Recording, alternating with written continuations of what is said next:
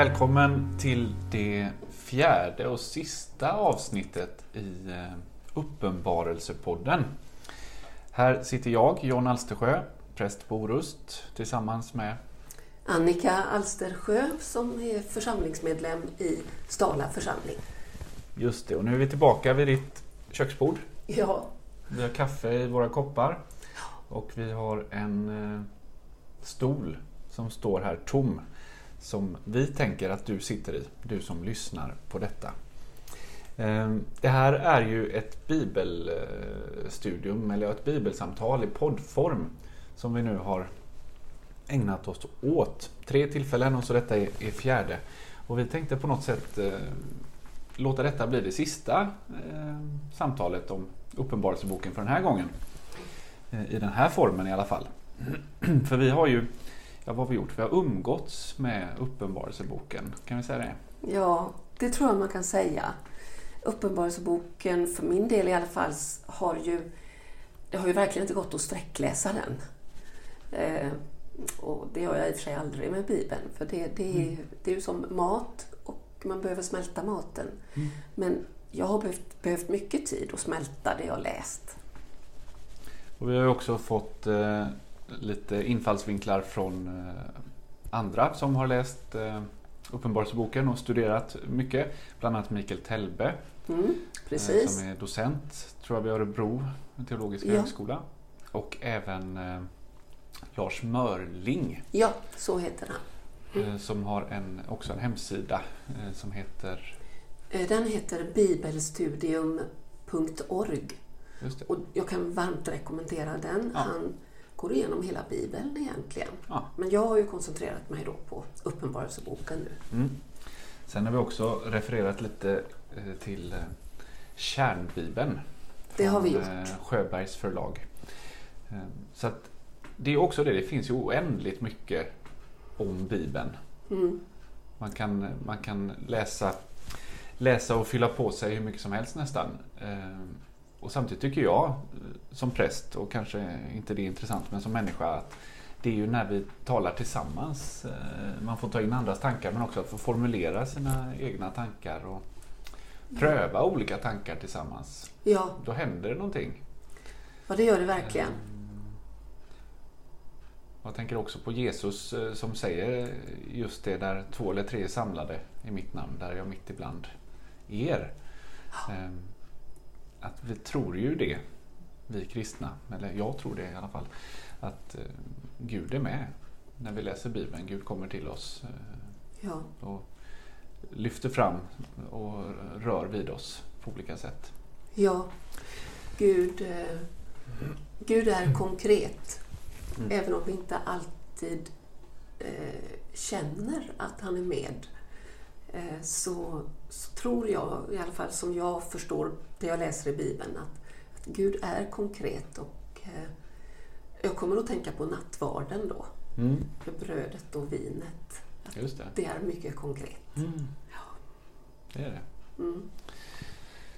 Eh, jag har Uppenbarelseboken uppslagen här i min bibel och det sista kapitlet det är det 22 kapitlet och det är ju dessutom Bibelns sista bok.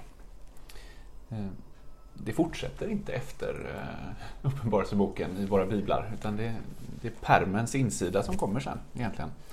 Och då alldeles i slutet av det sista kapitlet i den tjugonde versen så, så slutar det med en bön egentligen. Eh, bönen Amen, kom Herre Jesus. Uppenbarelseboken är på något sätt en bok som vi läser i väntan på, eh, på att Jesus ska komma tillbaka. Mm. Att det är en bok eh, som inte har i sig syftet att vara fullständig. Utan den är i väntan. Ja. Eh, och Vi har ju under de här eh, poddarna nu när vi har pratat fått röra vid olika teman. I, eh, vi har fått, ta till, eh, fått möta olika teman i Uppenbarelseboken. Eh, både den här trösteorden men också de svåra passagerna, tillrättavisningar. Mm. Ehm, vi talade förra avsnittet, det tredje avsnittet, väldigt mycket om eh, ondskan, ja. odjuret och ehm, kan man säga att det här är teman som är viktiga när man väntar? Absolut, det tror jag. Det tror jag. Um, ondskan är också konkret. Mm. Vi möter den. Eh, sen är det ju inte bara ondskan utan allt som är brustet i världen. Mm. Och eh, i just den tid vi eh, lever i just nu mm. i hela världen. Mm. Där vi är drabbade av det här coronaviruset. Mm. Det hör också till mm. det som är ont, så mm. att säga. Um, och nu har jag glömt vad du frågade. Nej, men jag talar om det här liksom, i, i väntan. Ja. Eh, att vänta är ju på något sätt också att, eh, att, att pendla mellan olika sinnestillstånd. Att, att pendla mellan hopp och förtvivlan, mellan glädje och sorg. Eh, bara att vänta på en buss eh, gör ju att, att man är, ja men det är klart att bussen kommer, det gör den alltid. Och så, och så blir det där när klockan börjar närma sig och så ser man ingen buss borta på vägen och bara, har det hänt något? Har den eh, kört av vägen? Eller? Ja. Att vänta på en annan människa, har den glömt bort tiden? Ja. Um, vänt, inget är som väntans tider säger man ju eh, ibland och oftast handlar det om barn som eh, som ska komma eh, till världen. Men, men just det här att vänta är kanske en konst på ett sätt och inte bara givet. Nej, jag... Det tror jag. Det, det, det jag kommer att tänka på eh, faktiskt, är det sjätte kapitlet i Uppenbarelseboken, det här när martyrerna Eh, säger till Jesus som är i himlen. Johannes ser Jesus i en uppenbarelse och där är martyrerna och de ställer den där frågan. Alltså hur länge, hur länge ska vi vänta? Mm. Eh, typ så. Och vem är, först och främst frågar de vem är det som är på tronen? Är det Gud eller är det djävulen? Mm. Och det är Gud. Mm. Det är där vi landar i Uppenbarelseboken. Men då säger eh, Jesus, eller om det är någon annan där, som säger till dem att ni, ni behöver vara stilla ett tag till. Mm. Säger Jesus. Mm. Och det säger han till oss också, tror jag. Att tiden är inte ännu än för att, att Jesus ska komma tillbaka. Mm. In, I alla fall inte fram till just nu när när klockan är vad den är nu. 13.09. Nej. Eh, så har inte Jesus kommit tillbaka.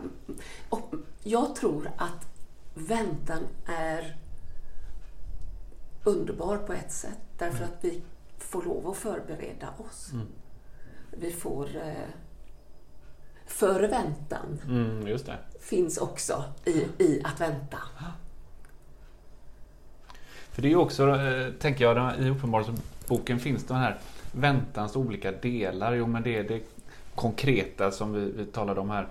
Eh, eh praktiska råd egentligen om man tänker tillrättavisningarna av församlingarna. Nej, men det mm. är, här, här, här, finns ett problem som behöver kommas till rätta med.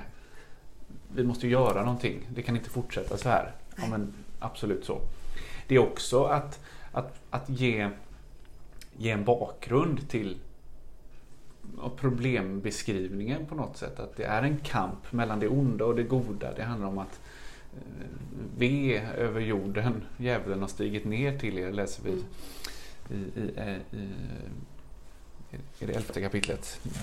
Ja, får ni kolla och rätta mig. Men Eh, det är dessutom den ljuvliga målbeskrivningen i, i slut, eh, slutet här, slutkapitlet, 22 kapitlet. Han visade mig en flod med livets vatten klar som kristall som rann från Guds och Lammets tron. Mitt på den stora gatan med floden på ömse sidor stod livets träd som bär frukt tolv gånger om året och ger sin skörd varje månad. Och trädets blad är läkemedel för folken och ingen förbannelse ska finnas mer. Precis. Och det här återknyter ju på många sätt till Bibelns första bok. Första Mosebok. Eh, där vi återigen, eller återigen, där, där vi börjar egentligen hela berättelsen, Bibelns berättelse, den stora berättelsen, med ett paradis. Ja, En beskrivning av den, ja, alltså, alltså den, den, den fullkomliga tillvaron i precis. godhet och i eh, harmoni. Harmoni beskriver, använder vi ju ibland. Ja, Eh, precis. Att- Eh, Ett annat modernt ord som många använder det är ju balans. ja, Eh, Men det här är något djupare. Det är något så mycket djupare. Det, det här handlar om när allting stämmer. Mm. På ett mycket djupare plan än vad jag uppfattar Mm. ordet balans. Mm. Ehm, eh, eh, På hebreiska, eh, shalom. Mm. Nu, Frid, fred. frid. Guds frid, fred. Precis, Guds frid och fred. Det är något annat det. Mm. Det är något djupare och ja, det, jag har inte ord. Nej. Nej, men det är ju... Och på det sättet skulle vi kunna säga att hela Bibeln är en, eh, en, en resehandbok. Mm. Att människans eh, verklighet är ju att leva utanför paradiset. Ja, Faktiskt. ja, det är det Ehm. verkligen. Mm. Även om vi kan få glimtar kanske, stunder Mm. av att eh, ana det. Ja, Till och med uppleva den där harmonin och friden och uppleva Guds eh, shalom i vårt eget liv. Ehm, Men det är ju en resa däremellan. Ja. Alltså, och det både Bibeln och Uppenbarelseboken vill poängtera och stryka under är väl att Gud är med också på den resan. verkligen.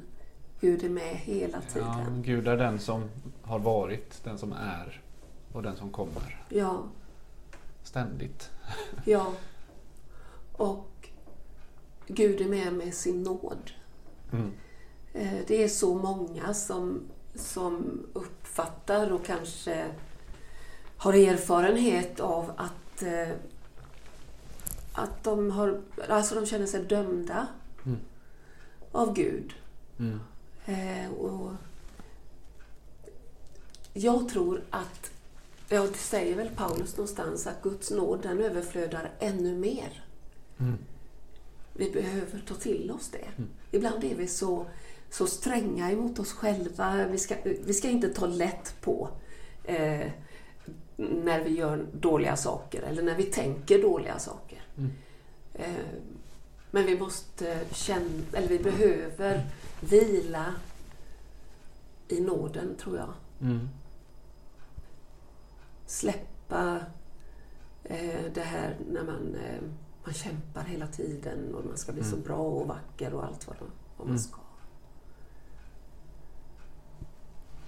Jag tycker att för, för mig eh, finns det, man har ju sådana här favoritord. Jag har favoritbibelord som dyker upp. Och, Mm. och som präst så eh, känns det nästan ibland som i vilket sammanhang som helst så dyker upp något bibelord. Det blir så lite stereotypt. Mm. Men eh, eh, nu sammanföll det med att det faktiskt var Uppenbarelseboken. Och det är just de här orden. Se, jag gör allting nytt. Mm.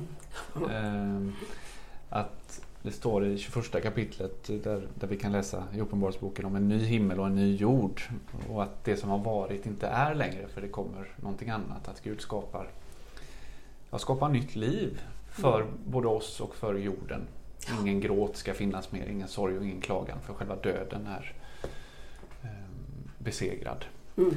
Men de här orden ser jag gör allting nytt. ehm, Det handlar ju inte bara om en, en, en framtid. Om man talar om Guds dom eller att, att vi talar om eh, att vi ska dö en gång. Utan Gud gör ju även allting nytt här och nu. Mm. Ehm, I, i, I mitt liv och i ditt liv och i världens eh, liv.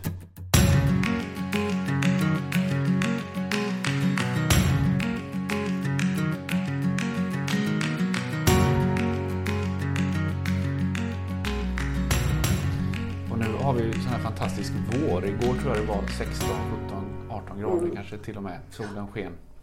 över Orust. Ehm, och på andra ställen med.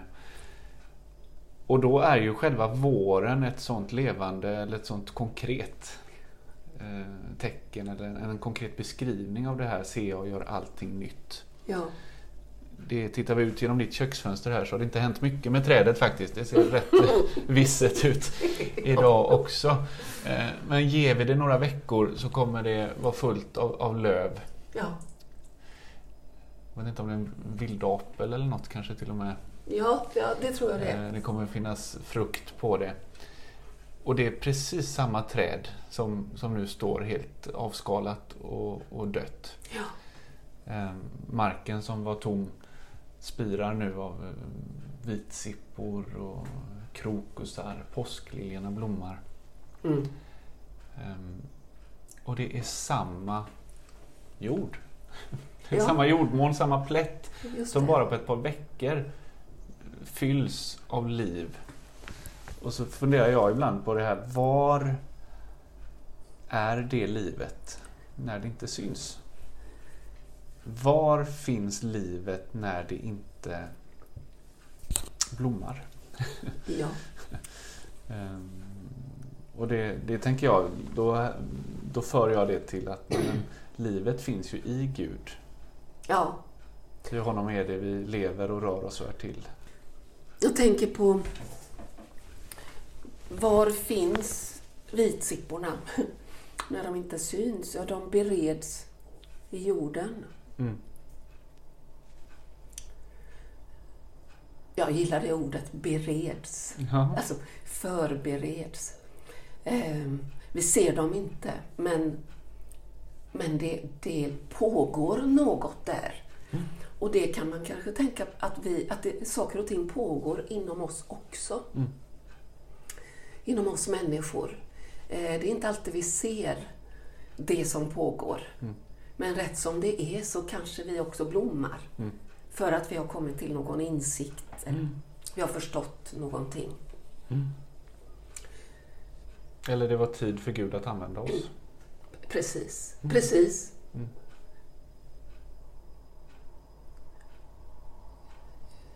Ja, det är ju en, en, en väntan som också... Ja, det är inte en meningslös väntan. Nej, nej, jo, Utan det är en nej. väntan som, så, som formar eh, och rustar, bereder. Ja, exakt. Och att Uppenbarelseboken också speglar, speglar det på sitt ibland kärva eh, sätt. Eh, Mm. Ibland eh, ja, skrämmande Mm. faktiskt. Det som är så, som jag har upplevt nu när jag har umgåtts några månader med eh, Uppenbarelseboken, det är att eh, den är fyllig. Mm. Den fyller mig. Mm. Eh, och den fyller mig med bävan.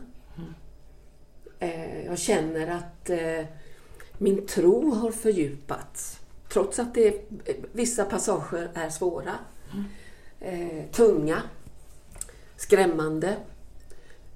Men så ljuvligt också. Så att, eh, att tänka att en dag så är, så är det något nytt som du säger. Och där inte något ont får plats. Mm. Och jag tänker på Jesus då som korsfästes på långfredagen. Och som uppstod på den tredje dagen. Mm. På något vis så är det ett så kompromisslöst hopp i det. Det kan se hur svart ut som helst. Mm. Men uppståndelsen blev och den blir om och om igen. Mm. Och vi får fira det. Varje, ja, vi får ju fira det varenda dag, men påsken är så speciell Mm. på det sättet. Och nu befinner vi oss i ja, fortfarande början på stilla veckan. Ja, Påsken 2020 som eh, ju inte är lik någon annan påsk. nej, för, för oss, eller för mig och för många av, oss tror jag. Um, och jag såg eh, på Orust kommer vi ha imorgon en helsidesannons eh, i en av våra tidningar som kommer ut till alla. Eh, och där står det påsken är inte inställd. Och, och, vi är i ett läge nu där vi inte kan samlas till gudstjänst som vi, har, som vi vill göra och som, som vi har, har tänkt. Utan vi behöver ta nuläget på allvar och mm. fira påsken på ett annat sätt. Mm. Men den är inte inställd. Och just det att uppståndelsen går ju inte att ställa in. Nej, ehm. för den har skett. ja, och där är det också så fint det här att påskdagen är, är ju en söndag och i både judiskt tänkande och i en del andra kulturer så är söndag första dagen i veckan.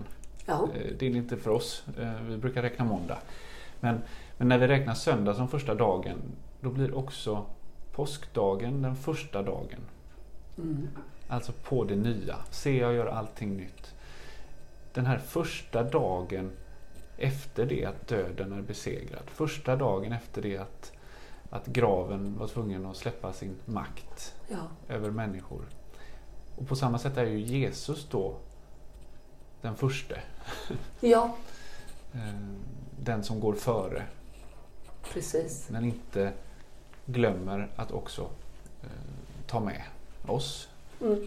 in i det första, det nya. Precis. Eh. För påsken med sitt drama är ju också eh, en, eh, ja, det, det, går fram och tillbaka i känslolivet. Det är största glädjen, det är största sorgen. Ja. Det är också tomheten under påskaftonen. Alltså ja. Väntan mellan långfredag och påskdag. Just det. Där där det bereds. Precis. Ehm, vila i din väntan har vi en psalm, ja. 205 eller något sånt, ehm, som heter. Och ibland är det ju det att vi försöker dra iväg och skapa själva. Mm, när, när vi kan vila i att det är Gud som skapar. Exakt. Ända från Bibelns första eh, blad där Gud skapar liv ja. och, och jord. Ja. Skapelse står det om där. Hur, hur, hur Gud är med i skapelsen. Ehm, Precis. Och Uppenbarelseboken som talar om hur Gud är med i återställelsen. Exakt. När det blir nytt. Ja. Detta, jag skapar nytt, säger Gud. Ja. Alltså, det är så lätt att, att springa före och vilja skapa själv. Mm. Men det kan vara ganska stressigt. Mm. Ja, verkligen. Ja, vi har umgåtts med Uppenbarelseboken. Vad har det gjort med oss? Ja, det har gjort något som jag inte riktigt har ord på. Men, men eh, Eh, ska jag läsa upp de orden som jag... Ja. För jag satt häromdagen och, och funderade just på detta. Vad har det, vad har det gett det här? Och jag, det jag känner är bävan eh, inför det stora. Det, det är så stort. Eh, en visshet. En, en visshet om hoppet. Mm. Hoppet är, vad är det Paulus säger? Hoppet är en visshet. Hoppet sviker oss inte. Nej. Mm, hopp, fasthet och mod. Och, ja, mm. precis. Eh, en visshet om något vi inte ser, tror jag Paulus säger. Bävan, visshet, glädje känner jag. Allvaret. Det har blivit en fördjupning rent eh, alltså bibelmässigt. När man bläddrar fram och tillbaka i Bibeln. Alltså det, det, ens tro fördjupas på något sätt. Genom att man får, eller jag har fått, nya insikter. Mm. Eh, jag vill hemskt gärna fortsätta mm. eh, att studera Uppenbarelseboken när detta när det här har fått liksom, när jag har smält maten. Ja, ja. precis. Och det som vi också har pratat om det här med, med, med, med det cirkulära tänkandet. Eh, mm. Eller det spiralformade tänkandet. Att vi, man, man behöver återkomma. Ja, ja precis. Och så se vad, vad, var står jag nu i relation till detta och hur har mina infallsvinklar ändrats och mina perspektiv, mina erfarenheter. Exakt. Vad, vad, betyder det? Precis. Det är det som är så spännande också, att våra erfarenheter gör att när vi går tillbaka till Bibeln, vi kanske läste det för något år sedan eller mm. så, och så, ja, då blir det återigen nytt. Mm. Vi ser nya saker. Ja. Det är det levande ordet. Exakt. Och det gör något med oss. Ja. Det gör det. Bibeln är en, eh, ja, det är en gåva på många sätt ja. och att få brottas med den och att få trösta sig med den, att få utmanas av den. Ja. Att få eh, djupna i den, att få lära känna verkligen. Gud. Ja, det är det vi gör, men vi känner, lär också känna varandra och oss själva. Ja. När vi ställer oss inför dessa texter och dessa ja. tankar. Jag kom att tänka på förföljda kristna som det talas om eh, här i, ja, bland annat i, i kapitel 6 då, i Uppenbarelseboken. Att ja, I vissa länder är det ett brott att eh, äga en bibel. Mm. Och det tror jag finns en anledning till det. Därför att om det är sant att, att Gud gör allting nytt mm. så blir ju människor, människor blir förändrade. Och det är inte alltid regimer till exempel mm. tycker att det är bra. Nej. För de har inte riktigt kontroll på människorna då. Nej. Eh, och det finns en anledning till att Jesus blev korsfäst också. Mm. Makten tolererade inte det han förmedlade. Han, han förmedlar frihet till folken. Mm. Och eh, ja, det kan ju vara farligt. Ja, absolut. ja. Guds makt är alltid annorlunda och utmanar världslig makt. Exakt. Guds rike är mm. annorlunda. Ja. Mm. ja. Ska vi avrunda där? Jag tror det. Det känns ganska så bra. Ett samtal om Uppenbarelseboken. Där du där hemma har varit med. Vi, eh, eller jag kan tala för mig. Mm. Jag tycker det är värdefullt att, att tänka att du är med och lyssnar, du som lyssnar. Ja. Ehm, och jag, ja, jag önskar dig verkligen att få också djupna i ordet och eh, få upptäcka ännu mer på olika sätt. Ja, och när den här tuffa tiden är över och vi kan börja umgås på nytt mm. på ett, eh, som vi brukar, mm. i, bland annat i kyrkan då. Mm. Att, att då är, är du välkommen att vara med eh, fysiskt också. Ja. För vi återkommer, hoppas jag, i vår församling i Både till Uppenbarelseboken men också kanske i andra bibelstudier. Mm, absolut. Ja. Det gör vi. Och det, det ska vi göra. Ja. Det, det, behöver pågå ständigt tror jag. Absolut. Vi ber. Mm. Ja, Herre, tack att du är mitt ibland oss. När vi läser ditt ord, när vi ber. Herre, tack att du delar vår, våra dagar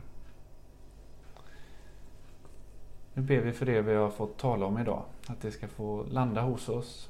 Att det ska få beredas i oss. Ja.